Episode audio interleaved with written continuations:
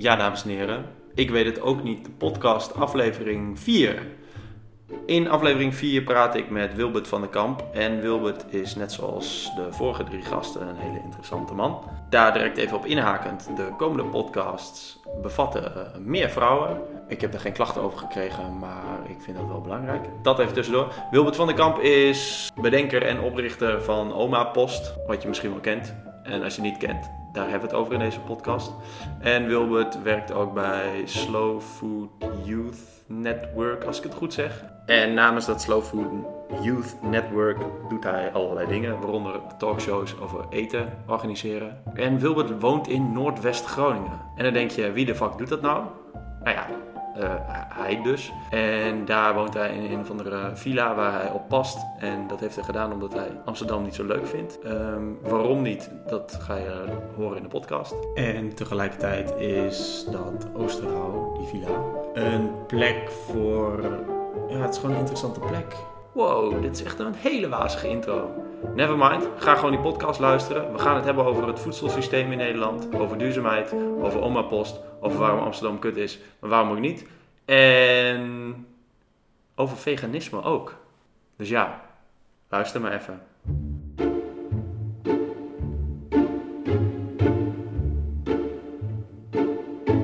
We zitten bij het Amsterdamse proeflokaal en buiten is het denk ik een graad of 24. En naast mij zit Wilbert van der Kamp. En ook Wilbert mag zichzelf even introduceren. Uh, ja, bedankt. ik heet Wilbert en uh, ik ben 28. Uh, en voor de rest ja, vind ik het altijd een beetje moeilijk om mezelf te definiëren. Ik haat het woord ondernemer of dat soort dingen, maar toch is dat denk ik wel het meeste wat ik doe: dingen ondernemen, vooral uh, doen. en ik denk er ook wel over na, maar vooral doen. Ehm, en ik heb ik presenteer talkshows over voedsel. Überhaupt hou ik me heel veel met voedsel bezig en met koken. Um, en ik heb een uh, bedrijf uh, waarmee je kaartjes kan sturen naar je oma. Oma Post heet dat. Heeft onlangs veel aandacht gekregen. Ja. Krijgt steeds meer aandacht. Ja. Misschien kennen de luisteraars het wel. Ja. Dus dat is, dat is wel leuk. Maar het is ook weer een heel ander deel van mijn leven waar ik me bezig hou. En, iets, um, en ik woon, ik woon uh, niet in de Randstad. Ik woon in het noordwesten van, van Groningen in een oud huis. En ja, dat is, dat is wat ik op dit moment geloof ik allemaal doe. Oké, dus jij bent een soort moderne mens. Want jij hebt geen 9 tot 5 baan en je bent jong en je hebt een broche van een prei ja. op je t-shirt. Ja. En je hebt je, het huis waar je woont uh, op je rug getatoeëerd. Ja.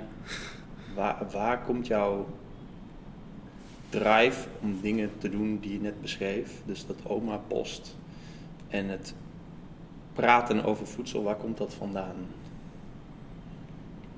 Is er iets gebeurd in je verleden waardoor jij nu dit soort dingen doet? Een aantal hele heftige dingen. Nee, het valt wel mee. Maar um, waarom ik dat belangrijk vind, ik vind dat soms ook moeilijk te pakken, maar ik denk dat ik het. Uh, ik, ik, doe dit nu tien jaar. Ik heb Engels gestudeerd en tijdens mijn studie begon ik al met dit soort dingen. Gewoon doen wat ik leuk vind en ook waarvan ik het idee heb dat mensen daar iets aan hebben.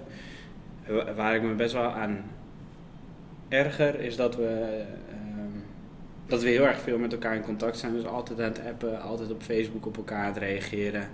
Uh, ook bij boeren denken we, we weten er superveel van, want in de Albert Heijn zie je heel veel reclames van boeren. Plaatjes en in van alle uit Tiel. Ja, met een leuke uh, blauwgeruite kiel. En we hebben het idee dat we elkaar allemaal zo goed kennen, maar ik heb het idee dat we echt uh, elkaar steeds slechter kennen.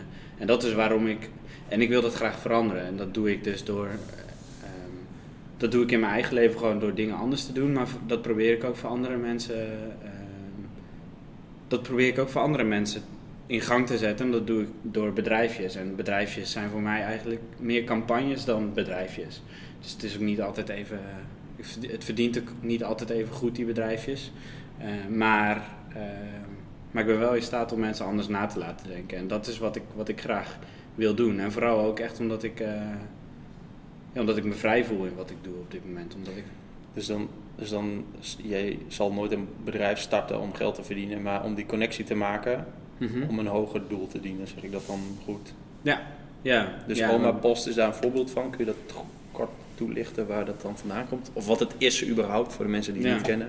Ja, nou, het is, nu ga ik van die standaard dingen zeggen die ik heel vaak zeg. En dan, Ja, dat is ga ik me Dan altijd een beetje ergeren aan mezelf. kort. Maar nee, Oma Post is een app eh, op je telefoon waarmee je opa of je oma of, of iemand anders die je leuk of aardig vindt een kaartje kan sturen.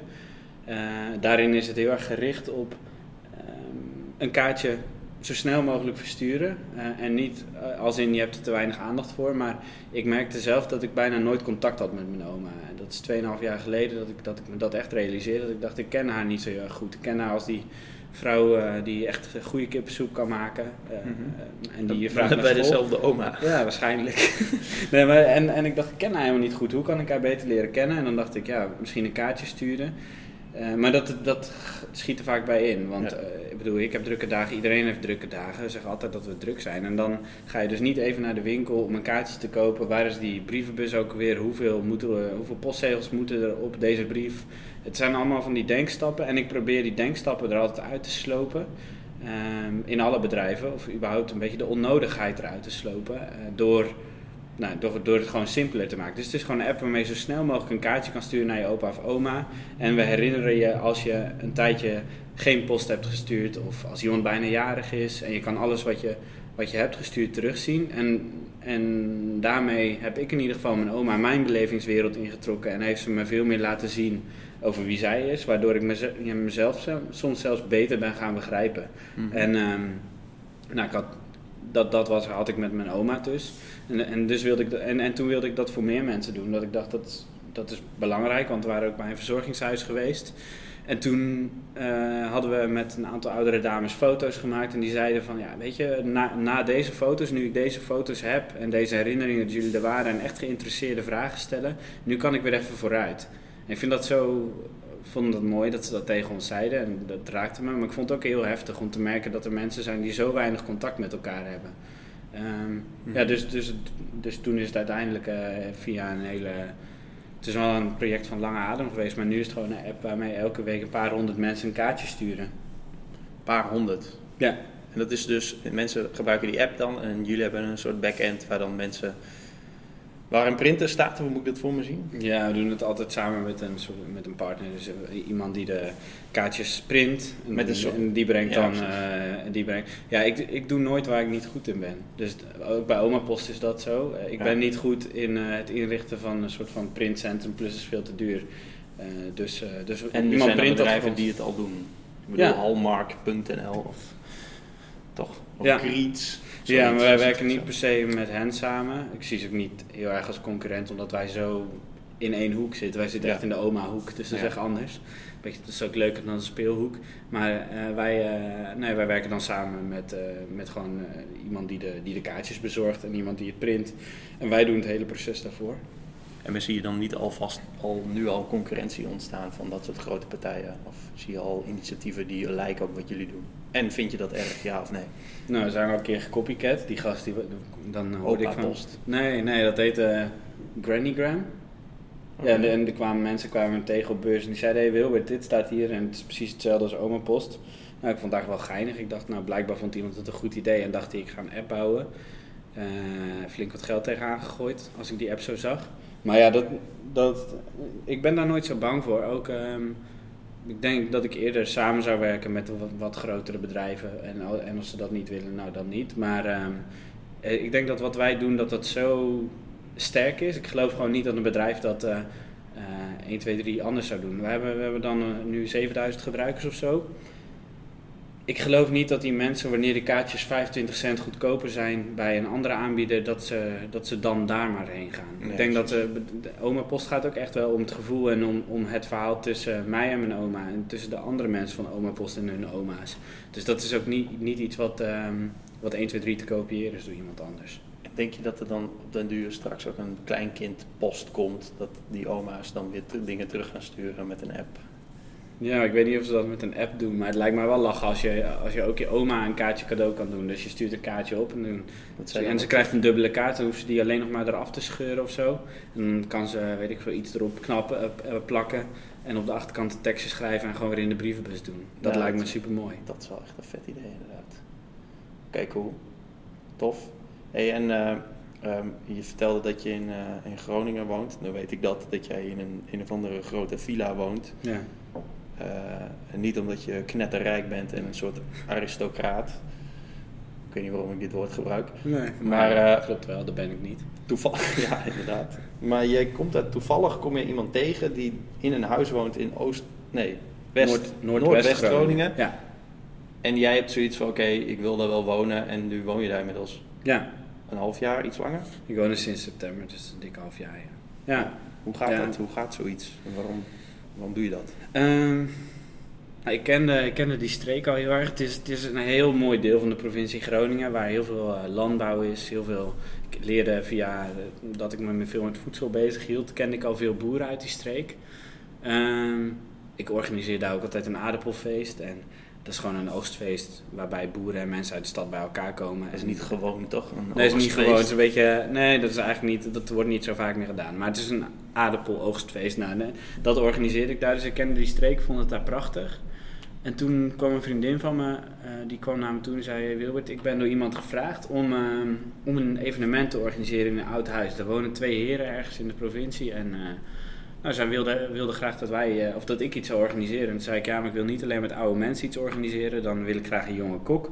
Dus toen vroeg ze mij. En toen eh, mochten we daar langs, gingen we met een, eh, werden we door een, eh, een huisarts uit Finsterwolde, Arie van Drongelen, werden we eens een Jaguar opgehaald op Groningen. En die reed ons daarheen. En toen kwamen we bij dat huis aan en ik dacht, wat is dit voor bizarre villa? Want het is een Italiaanse villa, in, in de 19e eeuw gebouwd. En dat staat dan daar tussen de akkers. Mhm. Een soort een grote contrast kan je je bijna niet voorstellen. En, en dan gingen we daar naar binnen. En daarbinnen is sowieso nog steeds, maar toen was het ook echt een rariteitenkabinet.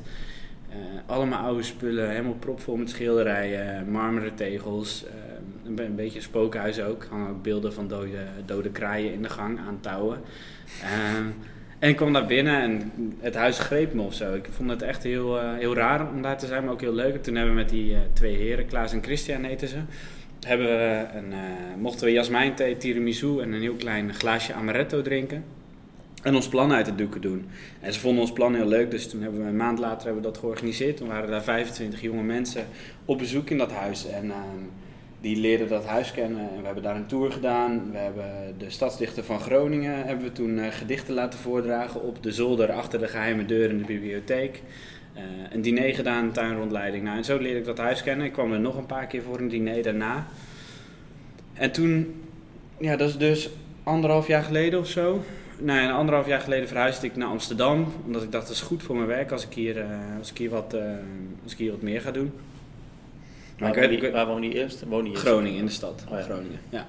En toen ehm, merkte ik dat ik het niet zo super fijn vond in Amsterdam. En ehm, het, is, ja, het is gewoon niet zo heel erg... De stad is het niet zo voor mij. En ik, dat maakt me te druk en ik word er niet zo heel gelukkig van. En eh, toen dacht ik, ik wil weer terug naar Groningen. En toen zag ik opeens een blogpost.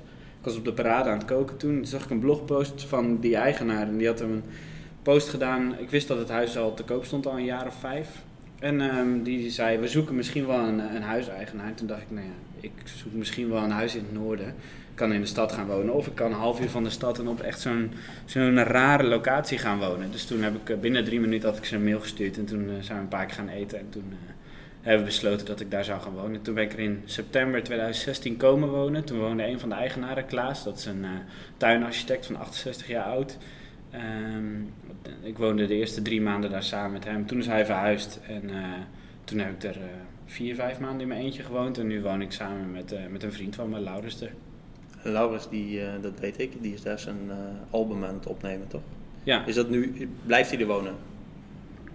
ja, het is elke keer eh, hebben we een gesprek en zeggen we het is nu leuk. Dus eh Oké, zolang het leuk soort blijft, blijft hij. evaluatiegesprek. Ja, tot, nou, niet een evaluatie. Wij praten überhaupt niet zoveel. Eh, Oké. maar wel... Via Twitter wel, zie ik. Nee, ook niet meer. Hij is, hij is gestopt met Twitter even.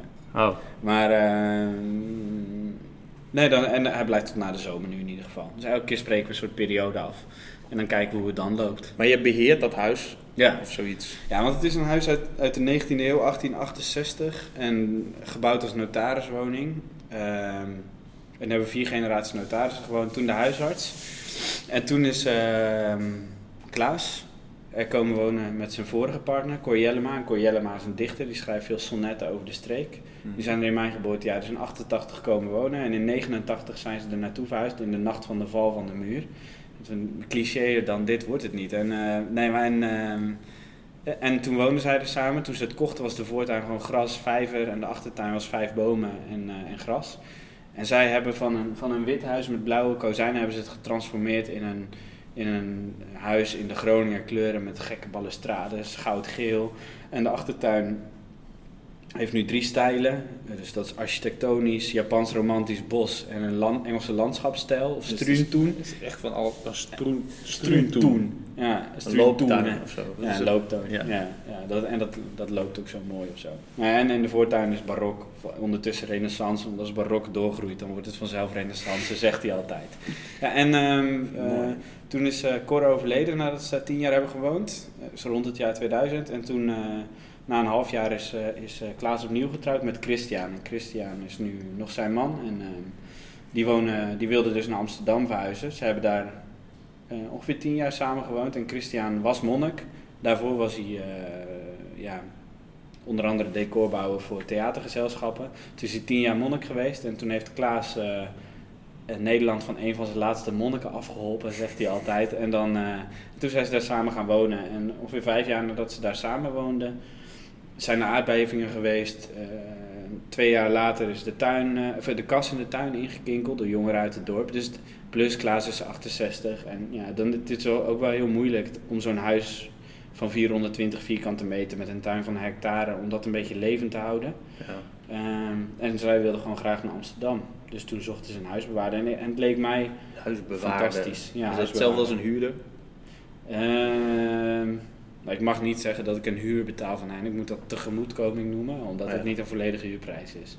Eh, maar in ruil daarvoor zorg ik ervoor, zoals nou aankomend weekend gaan mensen, eh, komen, kunnen mensen gewoon langskomen, gaan we de tuin aan de slag. Eh, en voor de rest... Mensen mogen vrijwillig jouw tuinieren zijn. Precies, ja, ik gun ze dat ze, ik gun ze dat ze gratis in mijn tuin mogen werken. Dat klinkt een beetje raar. Maar het is een hele bijzondere tuin. En als je, als je een balkonnetje hebt eh, in Amsterdam of Utrecht of Rotterdam of weet ik veel waar. En, en je hebt eigenlijk niet echt een tuin. Is het ook wel een keer heel leuk om een, om een dag te leren hoe het is om, eh, om planten te Ja, maar dan moet je wel helemaal naar Oost-Groningen. Of nou, waar- waarom zeg ik dit? Ik denk dat ik Oost-Groningen in mijn hoofd heb door al het nieuws. Ja. Dan moet je helemaal naar Noordwest-Groningen. Ja, Maar ik, oké, ik, snap, ik snap twee dingen niet. Nee, ik snap één ding niet.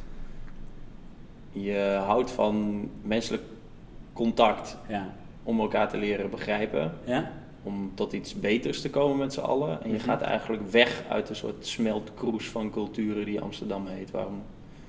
eh, je zei net dat het een persoonlijke overweging is. Dat het jezelf niet echt eh, goed deed. nee. Maar merk je nu niet, en dat is trouwens een, een ehm, vraag van Twitter, Ja. of je daar, dat je een soort eenzaamheid voelt daar. Ehm, ja, zeker. Maar ik, waarom ik vertrokken ben, is omdat ik merkte dat, dat het contact wat ik met mensen had in Amsterdam, dat dat ehm, oppervlakkig was. Deels omdat gewoon de, de, de stad die, eet, die vreet echt energie bij mij. Dus aan het eind van de dag ben ik helemaal klaar en ik geef mezelf ook echt, of ik laat mezelf te veel gaan in even een bakje koffie drinken, even een biertje, een half uurtje dit, drie kwartier dat. Ja.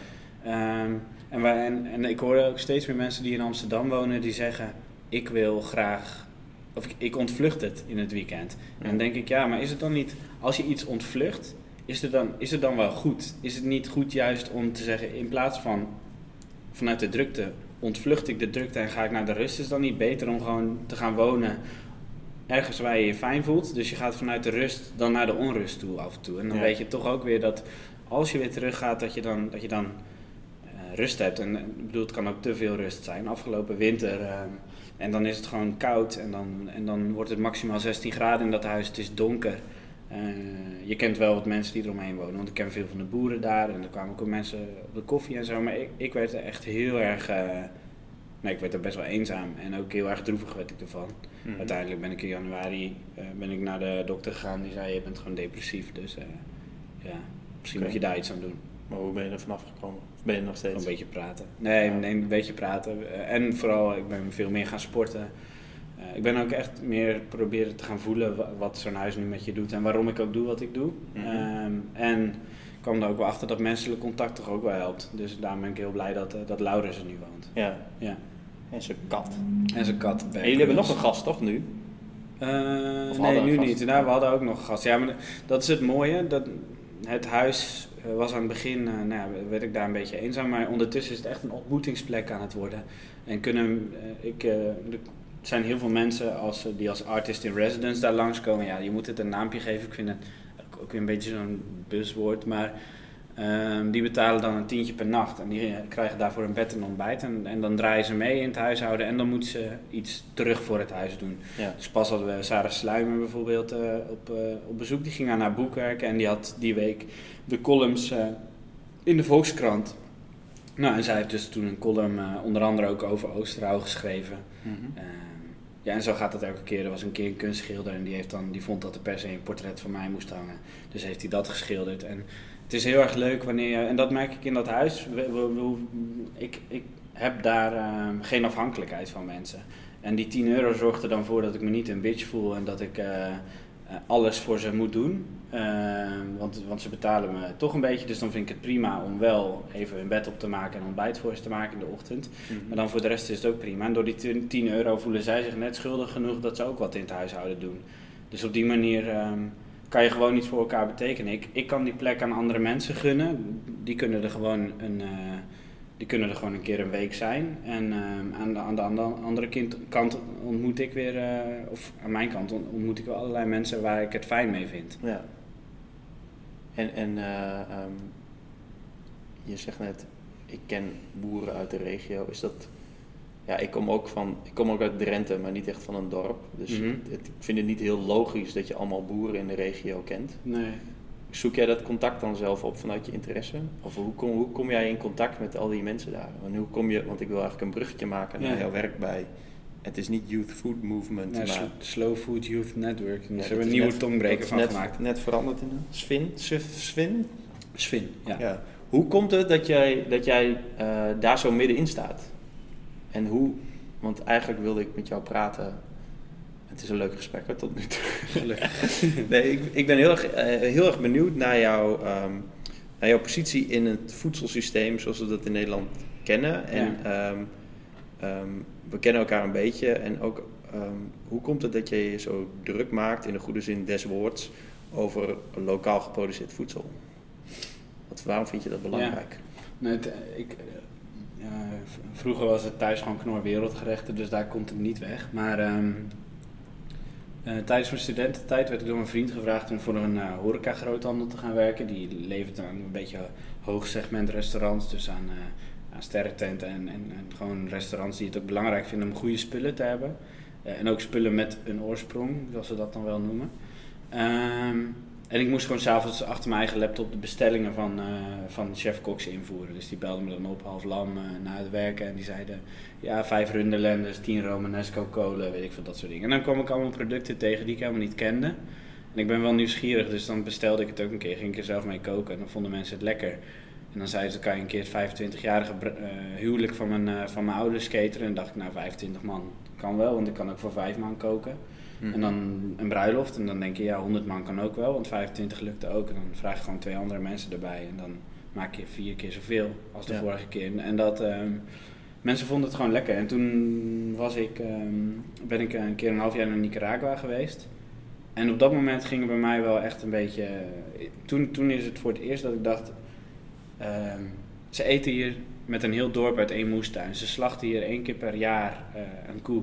En dat is een beetje, ja, het, het, voelt nu ook alweer een beetje cliché als ik het zo zeg, maar dat raakte me echt. Ik dacht, als dat kan, het, dat is zo mooi. Als je zo dicht bij je voedsel bent, als je precies ziet hoe het groeit, als je blij bent dat je de prei kan oogsten, als je uh, blij bent dat het weer tijd is waarom voor... Is dat mooi? Um, dat je ja. er zo dichtbij staat. Ik denk, dat, ik denk dat je meer, nee, ik denk dat je er meer, dan meer waardering voor voedsel hebt. Want je hebt je beste voor gedaan, je hebt gezien hoe het is gegaan. Um, en dat is wat ik het, wat ik het, het meest irritant vind aan, uh, aan winkelen in supermarkten. Het, het, ligt er helemaal propvol met allemaal spullen, maar ik heb geen idee waar het vandaan komt, wie het heeft gemaakt, uh, waarom het is gemaakt. En in die moestuin bijvoorbeeld, uh, in dat dorp, daar hadden ze, nou, hebben ze gewoon bepaalde planten met een bepaald nut. Mm -hmm. um, en ik vind dat fijn om dat te zien. Ik vind het fijn om dat aan te raken. En ik vond het fijn om te zien dat, dat er een, uh, een koffie, uh, koffie, of een koffieplantage was. En dat ze daar nadachten over bijvoorbeeld fair trade of eco. En, en nu weet ik dat dat soort dingen mensen zeggen dan altijd gelijk, ja, fair trade, ik vertrouw het niet meer, label dit, ik vertrouw het niet meer. Maar ik vind dat ook een beetje makkelijk. Ik, eh, ik zag daar dat het bij sommige boeren wel gewoon echt een verschil maakt in hun hoofd, in hoe ze naar de aarde kijken, hoe ze naar hun product kijken. Mhm. En eh, nou, toen kwam ik terug in Nederland. Toen wilde ik daar gewoon per se iets mee. Dus toen ben ik in, eerst in een soort van lunchcafé gaan werken. ehm, waarbij ik studenten leerde hoe ze duurzaam konden koken. Dus meer met vlees als smaakmaker in plaats van... eh, en als hoofdingrediënt. En dan met het gebruik van het hele product, dus niks verspillen. En ehm, ja, en zo is het een beetje doorgegroeid. En toen... En, en dan leer je wat boeren kennen. En ondertussen in, op Oosterhout kook ik hoofdzakelijk met producten van binnen de 10 kilometer van mijn huis. Ehm, Dat is wel heel erg dichtbij, toch? Maar Ja. kun je er alles vinden? ja, en, nou, wel echt heel erg veel. Ja, echt. Maar ik, je, in Nederland zijn we gewoon gewend om alleen maar groenten helemaal naar de tyfus te koken of, of alles in stukjes te snijden en te wokken. Maar een wortel kan je gewoon op vier of vijf verschillende manieren klaarmaken. Ui precies hetzelfde, biet ook. Dus je kan, eh, je kan dingen hele verschillende smaken geven en daardoor eh, eh, blijft het toch veelzijdig. Ook al heb je misschien maar zes of zeven basisingrediënten. Mhm. Ik vind het interessant wat je zei over fair trade, dat mensen dat ze het niet geloven en, en daarom maar niet doen. En ik heb er zelf natuurlijk ook wat interesse in en ik ehm, vrijwel alle nieuwsartikelen die iets te maken hebben met voeding, duurzaamheid en, en, en het hele fitness-gezondheidsspectrum, die trekken mijn interesse. Ik zeg niet dat ik overal klik en overal verstand van heb. Maar wat ik heel vaak zie is inderdaad dat mensen ook die achterdochtig zijn voor dat soort initiatieven. Ja. Hoe, hoe, denk je dat dat, hoe denk je dat dat komt? Ja, ik denk dat het komt omdat ook. ehm, eh, het is een beetje. Ja, die, eh, veel van die initiatieven daar is ook een soort van. Dat is een beetje weggedreven bij de kern. Weet je, een Fairtrade of Max Havelaar begint bij. eh, bij ervoor zorgen dat boeren een eerlijke prijs krijgt. En het eindigt als een soort van certificeringssysteem waar, eh, waar allerlei controleurs bij betrokken zijn. En, en dat merk ik. eh, en daar blijf ik, probeer ik zelf ook altijd van weg te blijven. Maar zodra heel veel organisaties, wanneer die groeien, dan drijven ze echt helemaal weg bij wat ze ooit wilden. En dan volgens mij zou die oprichter, of de, de oprichter van veel van dat soort organisaties, of degene die dat heeft bedacht, ook echt denken: waar- waarom in vredesnaam doe ik het op deze manier? Of doen wij het op deze manier? Hoe is dat zo gekomen? En dat, en dat zorgt ervoor dat mensen gewoon heel erg teleurgesteld zijn. Omdat allerlei eh, bedrijven ermee aan de haal gaan, of dat het een soort van witwaspraktijkjes worden. Ehm, Dus, Maar- dus het is wel terecht dat mensen, soort, mensen, ik heb het nu over mensen, dat er een groep mensen is die zegt, ehm, ja, dat zo'n keurmerk is een wassen neus. Het is nep. mm, Het gaat, ja, nergens, ik weet het niet gaat nergens erg- meer over. Nou, ik denk dat het bij sommige dingen zo is dat het, eh, dat het, eh, dat het echt een wassen neus is. Maar, ehm, maar bij sommige dingen maakt het misschien maar 1 of 2 procent uit. En ik vind dan wel dat we altijd. Ik weet niet of dat een typisch Nederlands ding is, maar ik vind dat wel een heel irritant ding in ieder geval.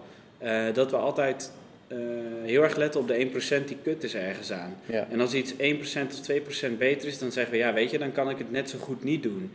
Ja, dat is een beetje Ehm, hetzelfde argument als stemmen.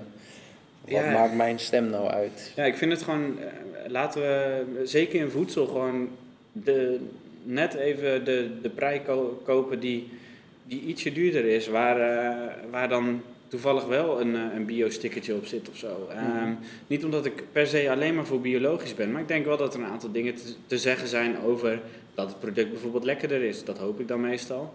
Eh, of dat het beter voor de aarde is. Eh, of dat er in ieder geval met meer gevoel geteeld wordt. Nou, dat, dat, dat. Maar ik snap heel erg goed waarom mensen daar wel een probleem mee hebben. Want ik, in mijn huis kan ik dat zien. Ik kan bij die boeren langs gaan en ik kan precies zien hoe ze met hun koe omgaan. En als ik in de supermarkt kom en ik koop daar zo'n stuk vlees in een bakje eh, op zo'n vies lapje en, eh, en daar staat op dat het biologisch is, ja, ja, oké, geen idee. Het zal wel. Ehm, en, maar ik, ik kies er dan wel voor, als ik daar iets koop, wat ik dus bijna nooit doe, omdat ik bij mijn in mijn huis de dingen niet bij de supermarkt haal. Maar als ik dat doe, eh, dan probeer ik toch maar gewoon daar wel in te geloven en te hopen dat, eh, dat, dat, dat er nog wat goed gaat. Ja, maar dat kan toch ook bijna niet anders. Kijk, we zitten hier in Amsterdam. Ik, ik weet niet eens hoe ik het anders zou moeten doen dan naar de Albert Heijn gaan en daar mijn Mhm. keuze ehm, moet maken, moet baseren op wat er daar wordt aangeboden. En, en de achtergrond die ik heb en de interesses en wat ik heb ge- gelezen en denk dat het goed is. Dus ja. dan moeten we dan, dat dan maar geloven, toch? Ja, of we ja. vanuit... Of Nou, maar, moet- en dat is dus wat de Nederlander, volgens mij, of de Nederlander, ik zeg nu weer de Nederlander, ik denk dat dat de Nederlander is. Dat, dat is wat de Nederlander dus niet doet. De Nederlander die denkt, ja weet je, 1% die ik heb meegemaakt was kut, dus zal de andere 99% ook wel niet te vertrouwen zijn. Bij Oma Post zie ik dat precies datzelfde. Mensen die er helemaal niks mee te maken hebben, die nog nooit een kaartje hebben gestuurd met Oma Post, die reageren op een artikel in een krant op met eh, ja, wat lui en ga lekker langs bij je oma. Maar dat is het punt niet. Nee, het punt nee. is dat het, dat, het, het, dat het het begin is. En ik denk dat wanneer jij naar de supermarkt gaat en je kiest voor de betere producten, je kiest voor de puurdere producten, je kiest voor de minder bewerkte producten, dan is dat een begin voor jezelf. En ehm, dat vind ik dus, mensen denken altijd, ja, maar het, het moet volledig 100% goed zijn. Maar laten we alsjeblieft toch denken, of laten we alsjeblieft hopen dat, dat dingen een reis zijn, dat het ergens naartoe gaat, dat het hopelijk beter wordt. En met Oma Post precies hetzelfde. Wat mij betreft eh, zou dat hele bedrijf niet bestaan. Maar dan, moeten we dan zou het wel betekenen dat we dus goed contact met onze oma's en onze opa's hebben. En dat is niet zo. Dus moeten we iets bedenken om dat te forceren. En ja, dat kan dan soms een product zijn waarvan je zou hopen dat het niet zou hoeven bestaan. Maar eh, de mens is nou eenmaal eh, zoals hij is. En ik denk dat het, dat het daarom fijn is dat er, iets, dat dat er een stap genomen wordt. En, eh, en, en niks doen vind, vind ik gewoon intens kut. Ja. Ja, duidelijk. Je gaf net de praktische tip van de biologische prei. Ja. Zijn er nog meer van dat soort stappen die dan, als- mensen tot nu, tot nu niet gestopt zijn met luisteren en er nog steeds bij zijn, en denken van Ja. oké, let's go met die praktische tips. Wat, kan ik, wat, kan, wat kunnen we dan doen om een leer- stap in de juiste richting te zetten? En wat is überhaupt de juiste richting? Nou, de juiste richting is wat mij betreft in ieder geval onbewerkt. Eh, dus niet eh, eindeloos veel kant-en-klare producten kopen. Ehm, en eh, ja, dus dat, dat houdt in dat je eh, vooral veel groente koopt, eh, rijst. ehm, eh, en dat je, dat je bij vlees ook kijkt van hé, hey, wat. Maar allereerst gewoon word eens nieuwsgierig en probeer eens nieuwe dingen aan te leren. Kijk een keertje op als je vlees koopt, kijk eens op het pakje of er nog iets in zit om het beter houdbaar te houden of zo. Het is gewoon heel interessant. En leer jezelf eens andere manieren aan om te koken. Dus, dus leer eens om, eh, eh, om, om, eh, om, groenten te, te blancheren of, of te, te roosteren onder de grill. Of, want daardoor krijg je andere smaken. En dan heb je niet per se die, die, al die pakjes en die wereldgerechten nodig. En dan kan je dus door de supermarkt lopen op een manier van... De, de, de- ik kies voor de producten die zo weinig mogelijk bewerkt zijn. Want daar zijn, als iets bewerkt wordt, dan is het 9 van de 10 keer eh, gewoon zo dat eh, iets wordt bewerkt om het goedkoper te maken. Dus dan wordt er iets aan toegevoegd wat een goedkope grondstof is. En ik zag gisteren nog een filmpje van Michael Pollan. Eh, sowieso een dikke tip om zijn boek en zijn filmpjes te kijken. Maar Netflix waarin hij eh, op Netflix, ja, Koekt. koekt. Ehm, maar zout, suiker en vet zijn vrij goedkope grondstoffen. En dat Mhm. wordt altijd toegevoegd. Ja. Eh, en daardoor is bewerkt eten dus ook ongezonder. Dus koop gewoon wat, wat, wat puurdere producten. En als er een product is wat, wat ook eh, biologisch of fair trade is, eh, nou ja, hoop in ieder geval dat het goed is en koop dat eens een keer. Ehm, dat, dat, want ik, toen die workshops voor die studenten gaf, vroegen ze ook aan het eind, ja, wat kan ik in vredesnaam nu wel? Nou, denk gewoon eens na, welke dingen koop ik elke week? Eh, en welke dingen zou ik eventueel kunnen vervangen door iets wat natuurlijker is? Of kunnen vervangen door iets wat, waarvan ik wel weet waar het vandaan komt? En ook jezelf veel vragen stellen. Dus waarom eet ik dit? Waarom vind ik eh, wereldgerechten heel erg lekker? Wat zit er eigenlijk allemaal in? Is het het zout? Of is het gewoon dat ik het echt een hartstikke goede, goede receptuur vind en, eh, ja, en, en blijf je het eten? Ik ben ook helemaal niet... En ja, ik bedoel, Sonja Bakker heeft natuurlijk heel veel voor deze wereld betekend.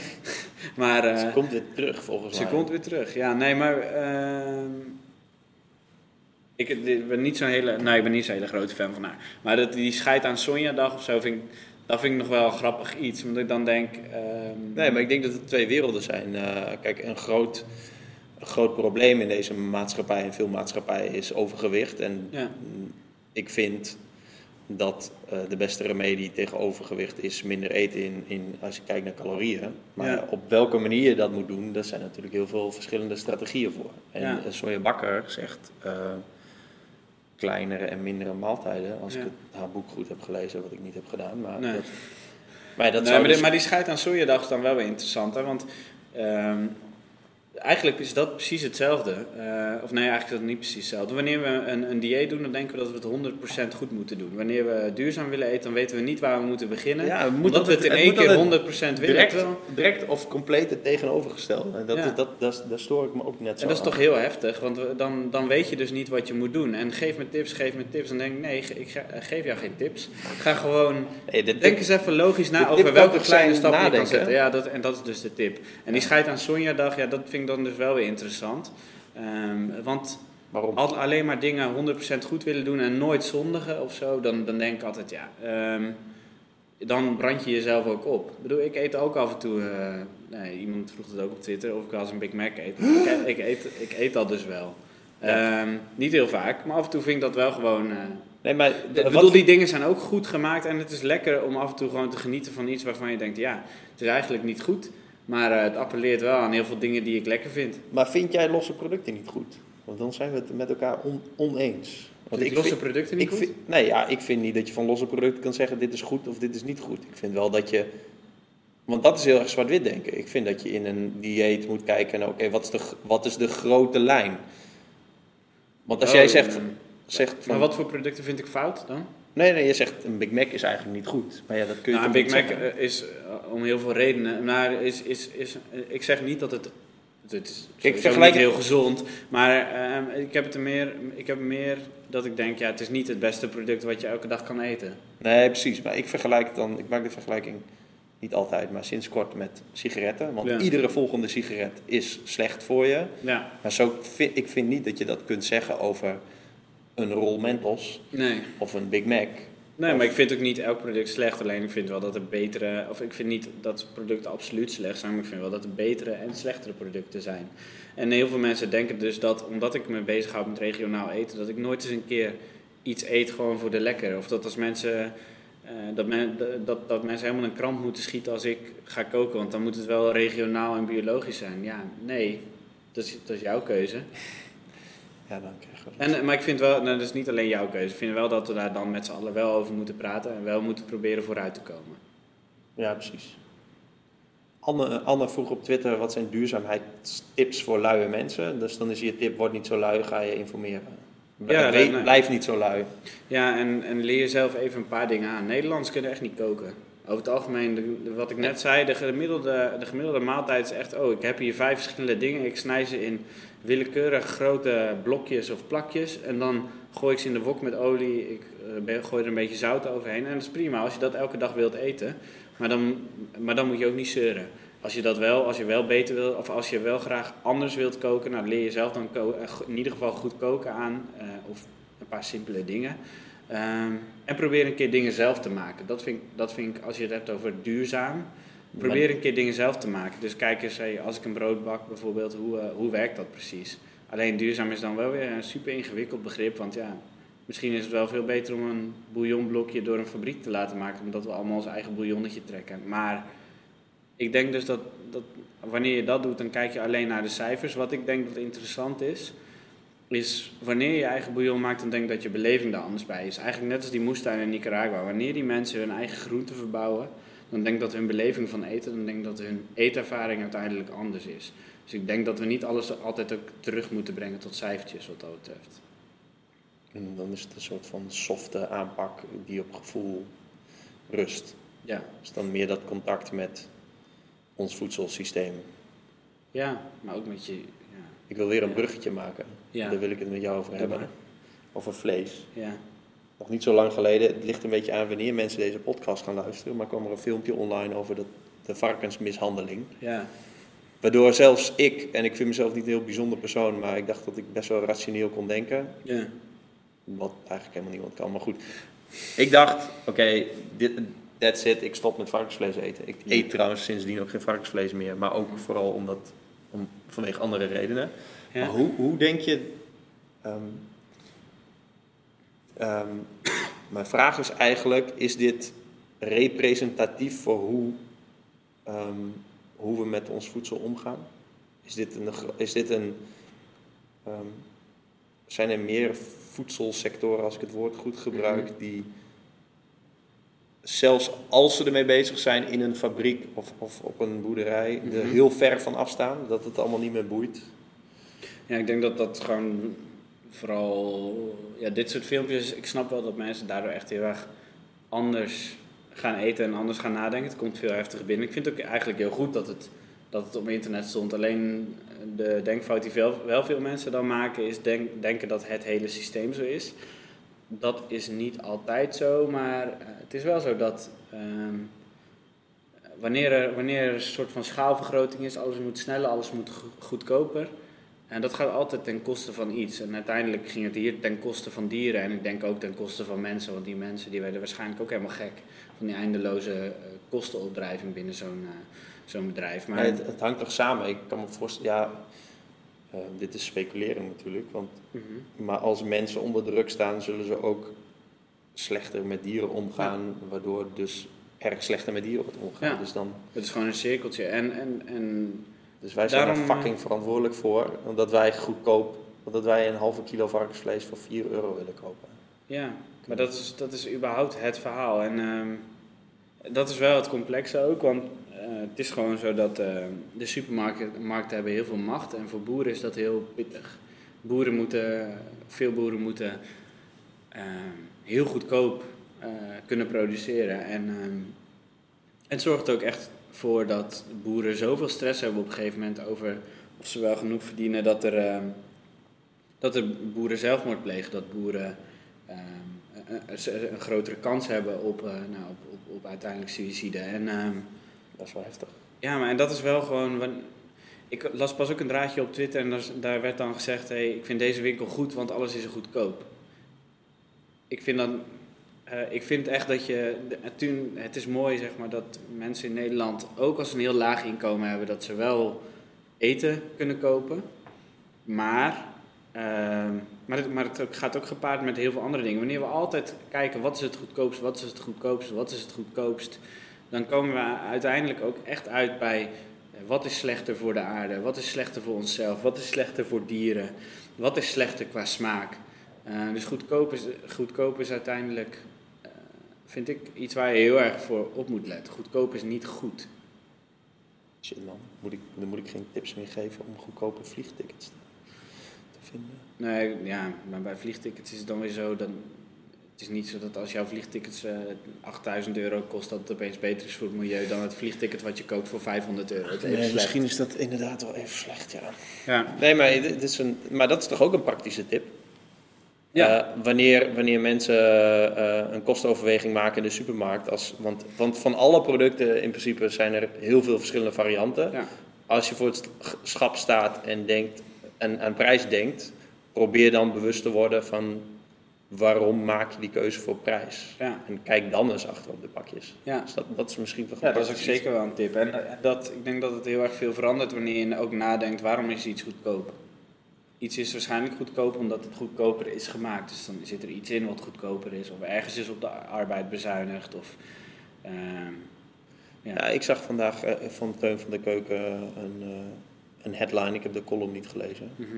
En normaal vind ik hem een beetje zeuren. Sorry Teun. Maar dat vond ik wel prachtig. Prachtige illustratie dat nu de fair trade producten ergens in de aanbieding waren. Dus eigenlijk kan dat gewoon niet. Nee. nee, maar dat is gewoon stunten. En Dat dat, is ook dus wel. niet. Tenzij, tenzij de supermarkt er zelf op inlevert. Maar dat is... Ja, dat doet hij waarschijnlijk, want daardoor trekken ze uiteindelijk wel mensen, mensen naar de supermarkt. Daarom doen ze een product in de aanbieding. Ja. Maar, ehm, maar het is ook een beetje de, wat mij. Ik, ik, ik zou gewoon het liefste hebben dat we allemaal in zo'n huis wonen zoals ik en eh, onze spullen halen bij de boeren, maar dat, dat kan niet. Nee. Eh, maar de andere, maar, de, maar de, de supermarkt is voor mij ook alweer de hele andere kant van het spectrum, waar ook weer heel erg veel fout gaat. En, waar, ook, waar, waar heel veel fout gaat. Zijn er dan goede supermarkten? Ik bedoel, die markt Ecoplaza. Je hebt nu hier... eh, hoe heet die andere nou? Ja, die eh estafette.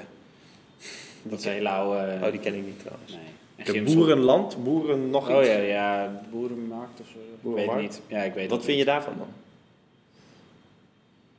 Of heb je daar geen mening over? Dat mag natuurlijk ook.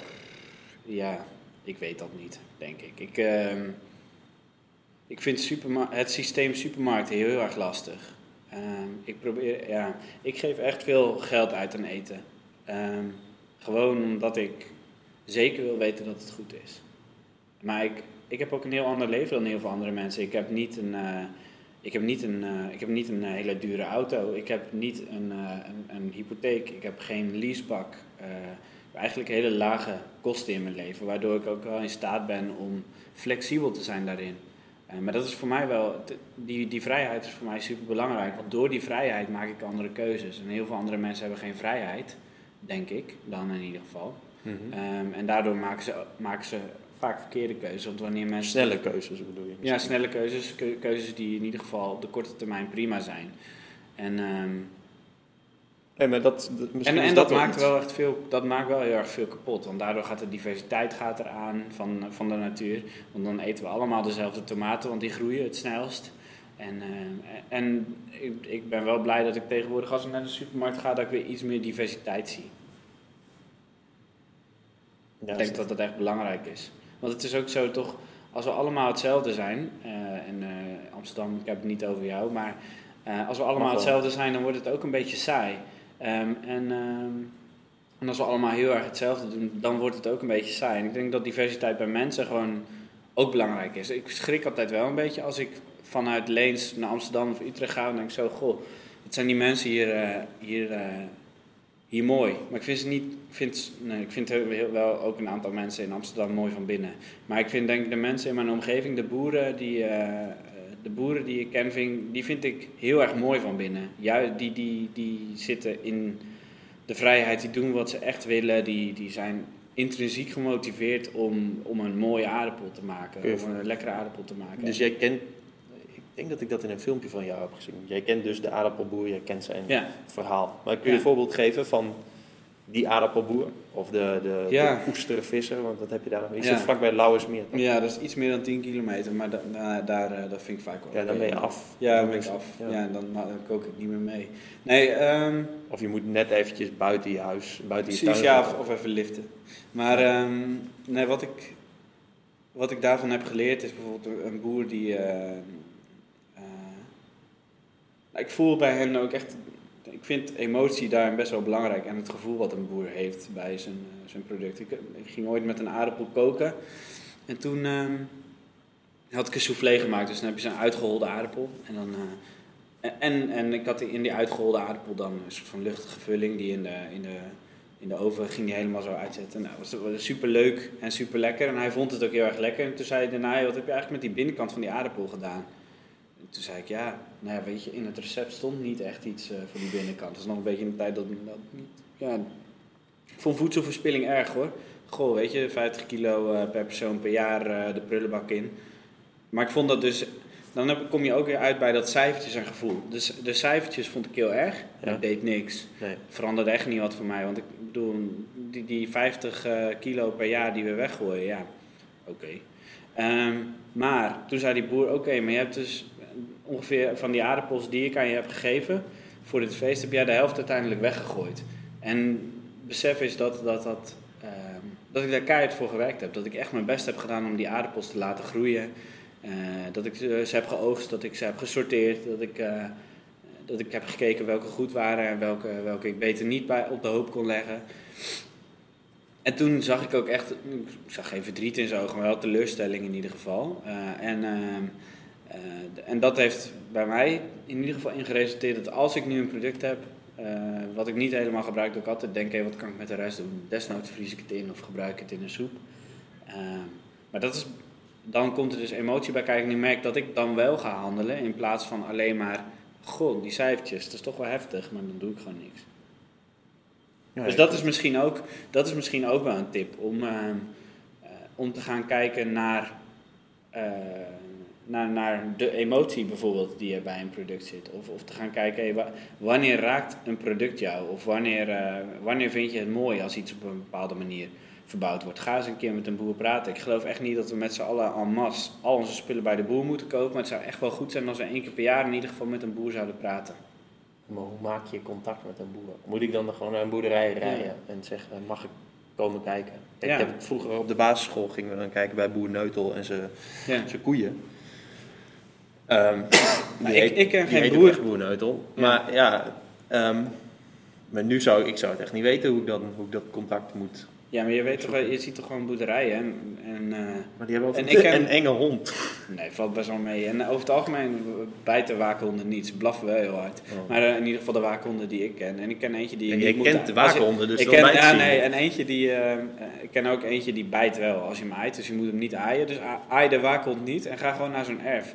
Ja. En ik ken eigenlijk geen enkele boer die niet zal zeggen van, hé, hey, ehm, eh, doe liever geen bakje koffie met je. Misschien zijn ze druk en dan zeggen ze kom op een andere keer terug. Maar, ga, maar eh, ook op Twitter, zitten, er zitten hartstikke veel boeren op Twitter. Stuur gewoon een tweet. eh, Gaan, we- gaan we in de show notes zetten. Dat ja, dan goed. zet, zet er gewoon een aantal boeren erin en stuur die boer gewoon een tweet en ga een keer bij hem langs. Ik, ik deed dat regelmatig, dat ik gewoon s ochtends in Groningen was en eh nou, dan ging ik op date. En dan eh, had ik gewoon die ochtend had ik, eh, op Twitter gezet, yo, eh, ik ben in Groningen en ik wil graag met een date langs bij een aantal boeren en ik heb een autootje gehuurd. Bij welke boer kon dat? En dan krijg je zo vijf of zes, vijf of zes boeren die jou even een tweet sturen. Nou, dan DM je even naar hun adres. En ik zat die dag gewoon bij, eh, bij drie boeren eh, aan de koffietafel. En dan zit je een beetje over hun bedrijf en over de manier hoe ze dat doen te praten. Vet. Nou, ik vond het, ja, uiteindelijk is het niks geworden. Maar het was wel echt een hele leuke date. En het was voor mij ook gewoon heel erg leuk om al die boeren een keer te spreken. Dus ik denk dat het veel makkelijker is dan we denken. En dan, ik bedoel, aan de ene kant zeggen we zitten te veel online. Maar juist dan kan online wel weer een zegen zijn. En echt een brug sla- slaan tussen mensen die normaal nooit met elkaar praten. Namelijk wij en de boeren. Nou, ik zie een eh, app-idee. Date een boer. Ja. Boerendate. Ja, Nee, maar dat is ook een praktische tip. Dat, Ja. was, dat waren de, want ik, ik ging van tevoren op Twitter ook Twitter vragen van, joh, eh, hebben jullie nog vragen aan Wilbert? Nou, er reageerden drie mensen op, maar wel met heel veel tweets. Ja. En, en, eh, ja, maar eigenlijk is het ook, ook daarin weer, eh, komt het ook weer allemaal terug op gewoon doen. Want wel, jij ziet allemaal problemen van, oh ja, maar waar komt, oh ja, maar ik ken geen boer. Maar er zijn helemaal geen problemen. Je moet het gewoon een keer doen. Ja, dat is waar. Dat klopt. Ja, En dat is, dat is denk ik waarom ik in dat huis woon. Dat is waarom ik Oma Post ben gestart. Dat is waarom ik op deze manier kook. Dat is waarom ik op date ging. Gewoon omdat ik dacht, nou, we gaan dit gewoon doen. ja. En dat, en dat, dat is een beetje een versimpeling, maar dat is wel zo. oké. Ik heb nog een vraag van Sarai. Trouwens binnenkort in de podcast, hoop ik. Waarom ben je nog geen vegan?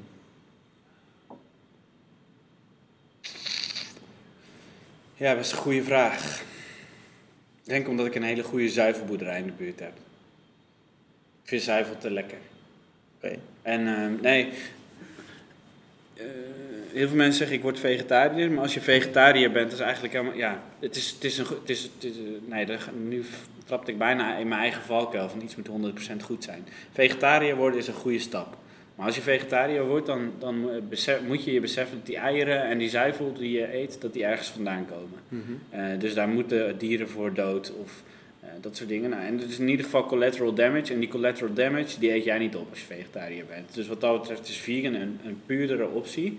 Maar het is wel weer meer hardcore, weer meer moeilijk voor, vol te houden.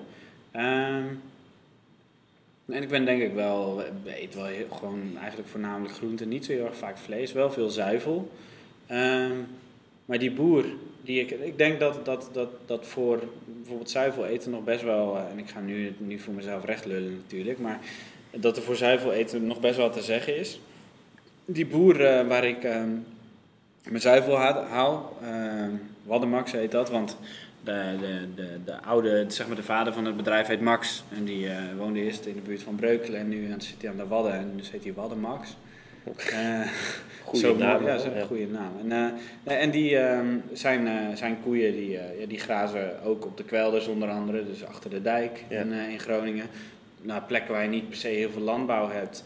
En zij doen, zij doen het biologisch dynamisch. En, ehm, Kun je dat dus, uitleggen? ja, biologisch dynamisch is een soort van heel holistische visie op de, op de landbouw. Dus eh, je probeert het goed te doen voor de aarde, voor je omgeving, met een positieve energie. eh, maar er zitten ook een aantal zweverige dingen bij waar, ja, waar ik niet per se van snap waarom het zo is. Namelijk dat je bij een bepaalde maanstand ehm, moet zaaien of dat je de poep van, van een koe of mest in een hoorn doet. Dat een, een jaar laat staan en dan over je akker uitstrooit. Ja, Wat, dit is gewoon echt. dat is een beetje hekserij, hè? Dit is, dit is, want ook biologisch dynamische wijnboeren doen dit? Of zijn er dan weer andere regels daar? Nee, biologische dynamische wijnboeren voegen over het algemeen bijna niks toe aan hun wijn. En, of, of, maar, en dan heb je zelfs natuurwijn en daar wordt helemaal niks toegevoegd aan de wijn. Mhm. Maar, ehm, Dat is ja, maar ik vind dat. ja. De, de- ja, ik vind dat. Waarom ik geen vegan ben, is eigenlijk gewoon dat ik zuivel te lekker vind. Ik kan voor mezelf wel recht proberen te lullen, maar ik denk wel dat ik zuivel eh, te lekker vind. Eh, en ik denk dat er ook in het voedselsysteem wel een plek is daarvoor. Dat het ook gewoon kan in de productie. Het zou beter zijn als we met z'n allen vegan zouden zijn. Maar ja, dan. We hebben superveel koeien en we hebben superveel varkens, dus die moeten dan eerst wel op. Dus daar zijn we voorlopig nog wel aan het eten. Ja. Ik denk maar dat komt snel, op. opkomt. Nee, ja, we gaan zo eten. Maar ja, ja. ik denk dat het wel snel opkomt. Ja, los Ja. van het feit of het Nee, en, en, en dat goed voor, je- biologisch. voor mensen zelf is. Ja. ja, niet altijd. Hè. Maar ja, biologisch dynamisch. En maar wat, eh, Ja, ja. ik, vind- ik, ik kan me voorstellen dat mensen daarvan denken: zo, god, dat is wel echt, echt ver, ver van mijn bed. Ehm, maar eigenlijk wat de kern is bij hen, ze proberen het zo natuurlijk mogelijk te doen. Ze proberen ze zo dicht mogelijk bij de natuur te staan. En ik denk dat dat wel mooi is. Ik bedoel, techniek is, techniek is ook wat waard en vooruitgang ook. Maar deze manier van, van beseffen, ik ben eh, één boerderij en ik probeer alles hier op mijn boerderij goed te regelen. Ik doe het allemaal zelf. Ja, ik, ik weet niet, ik vind het, misschien is het romantisch, maar ik vind het wel heel mooi. En ik denk dat het een, ook als je gewoon kijkt naar hoe vruchtbaar hun grond is, hoe blij hun koeien zijn, eh, dan, dan vind ik dat wel mooi. En dan vind ik dat ook, en dan is hun productie misschien niet zo hoog als een gangbaar melkveebedrijf. Ehm, maar dan heeft dat weer een ander nut. En ehm, niet, ook daarin hoop ik ook dat, we die diversiteit kunnen bewaren. Want hun, hun melk is wel duizend keer lekkerder eh, dan, eh, dan die ik in de supermarkt haal. Kunnen kan ik dat ergens in Amsterdam krijgen, die melk? Nee, maar je kan wel, als je goed je best doet, kan je wel naar een boer en dan rauwe melk eh, proeven. Dat is dus melk rechtstreeks uit de tank. Alleen door een filter, rechtstreeks, eh, en dan weer dus rechtstreeks uit de koe eigenlijk. Ja. En dat is al heel erg veel lekkerder, want melk pasteuriseren we en dat is omdat er eh, ook wel in het verleden qua hygiëne niet, al, niet, het niet altijd even goed geregeld was. Nou, dus, en dan gaan we dus pleisters plakken. Terwijl ik denk in de kern is, is, is, is Dus zuivel een levend product en dan maak je dus dood. geworden van, de, van wanpraktijken. Ja, Want eigenlijk hoeft dat dat niet. is heel vaak zo. hè. Als je het goed doet, hoeft dat niet. Nee. Hey, maar zuivelboeren in Nederland worden toch gesubsidieerd en zo. En het is een soort van kunstmatige branche die... eh, ik ben nog een beetje advocaat aan het Van de Duivel aan het spelen. Ja. Mensen ageren daartegen. Ze vinden het allemaal kut. En het is een groot... Het is veel werkgelegenheid, wat... wat- Dat klopt toch? Ja.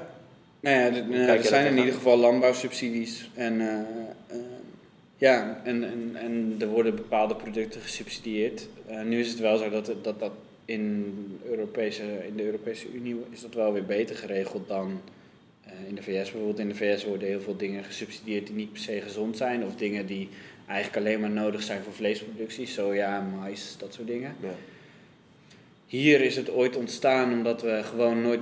eh, ja, eh, Mansholt, die komt ook uit. eh, die, die woont eh, binnen de 10 kilometer. Hij woont daar niet meer, want hij is nu dood. Maar zijn familie woont binnen de 10 kilometer van mijn huis. En die was, Europese, of die was minister van de landbouw in Europa. En die dacht van ja, weet je, deze. Deze.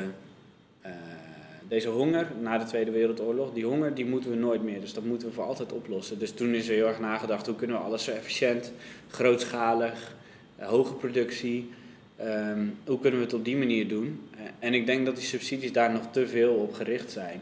Op, op alleen maar gangbaar. Want mensen zeggen ook altijd, ja gangbaar, dat, dat, brengt nu eenmaal veel meer op dan biologisch. Maar ik vind dat dan ook weer... Weet je, hoeveel, weet je hoeveel subsidie, weet je hoeveel onderzoeksgeld er in gangbaar is gaan zitten? Als we dat ook een keertje in biologisch zouden, zouden steken, dan zouden we daar ook heel veel grote stappen kunnen zetten. En, en nu, doen, nu gebeurt dat in de biologische sector vooral op creativiteit, op ondernemende boeren, op boeren die zeggen ik doe het zelf wel. En, en dat vind ik op zich positief. Eh, en ik zou, eh, bedoel, ik zou er ook wel voor zijn dat gewoon überhaupt die subsidies eh, eh, eh, weggaan. Maar, ja, dan moeten we, maar dan moeten we wel meer betalen uiteindelijk. Ja, En maar denk- geloof, geloof jij in de volledige marktwerking dan?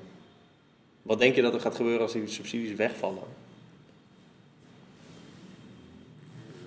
Dat weet ik echt niet. Want ik weet ook niet op welke producten subsidies zitten en op welke... Nee. eh, ehm, Nou, het zit bijvoorbeeld op hoe je eh, tegenwoordig ook op eh, of je weidevogels support. Dus niet, niet als een wauw kieviet.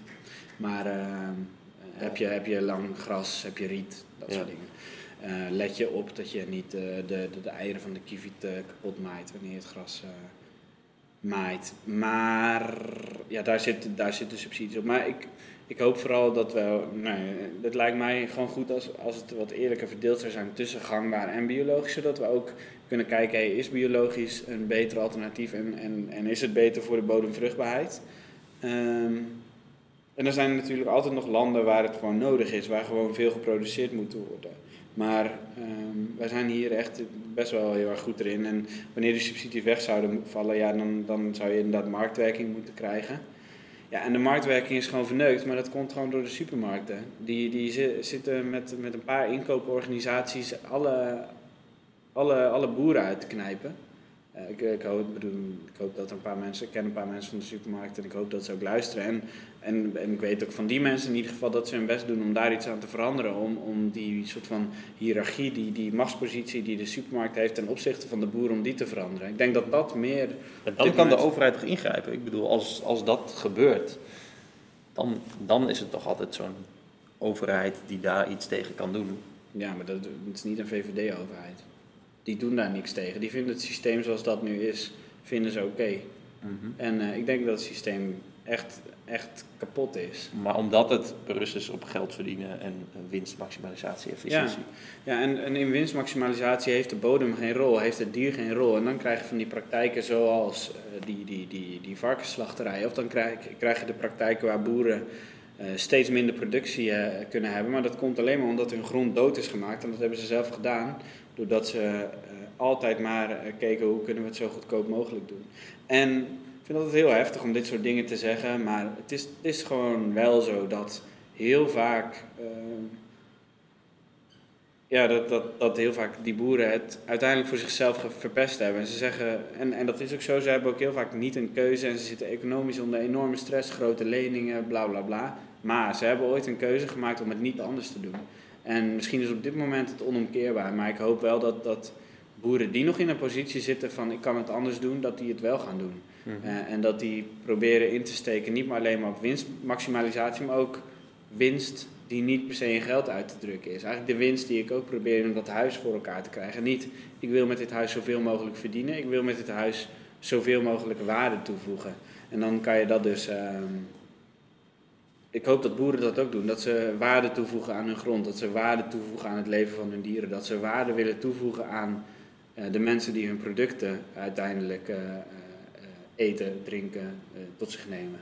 Mhm. Ehm, en, dan, en dan krijg je dus een cirkel. Want dan denk ik dat, dat zij steeds betere producten gaan maken. Dat wij het steeds lekkerder vinden. En dat wij die boeren steeds fantastischer vinden. Dus dat we het zeggen, nou weet je, daar hoort ook een, een, een wat hoger bedrag bij. Ik betaal niet voor smakeloze shit. Eh, maar als iemand echt een hele lekkere kaas maakt, wil ik daar best een beetje extra voor betalen. Ja. Het is een hele soort een idealistische cirkel. Maar ik denk dat, dat we wel echt naar zo'n systeem toe moeten. Omdat anders, ja, dat, het gaat vanzelf klappen, zeg maar. Ik bedoel, het, het klapt nu al. Als we boeren zelfmoord plegen door hoe weinig wij willen betalen. Ja. ja, dan is het toch gewoon iets, dan zijn we iets heel erg dom aan het doen. ja, dat sowieso. En als, als ik bedoel, die diversiteit achteruit gaat, ik weet niet wat de huidige staat is in de, in de Nederlandse natuur. In Nederland zal het nog wel iets beter gaan dan in de rest van de wereld. Ja. Of op sommige plekken in de, in de wereld. Ehm, maar volgens mij gaat het inderdaad niet de goede kant op. Maar het zijn wel wijze woorden voor eh, iemand van uh, Van jouw lengte. Van mij. Voor Zo'n jong iemand. Ja. Ehm, ik denk dat we ehm, kunnen concluderen dat de belangrijkste stap die je kunt zetten ehm, richting een ja, beter eetpatroon. Ja. Maar ook niet beter alleen voor je eigen lichaam, maar... maar Nee, voor- nee, nee, ja. inderdaad. Niet voor je lichaam, maar voor de wereld. Ja, Wat het ook dan mag betekenen is dat je jezelf informeert. ja. En niet te bang bent.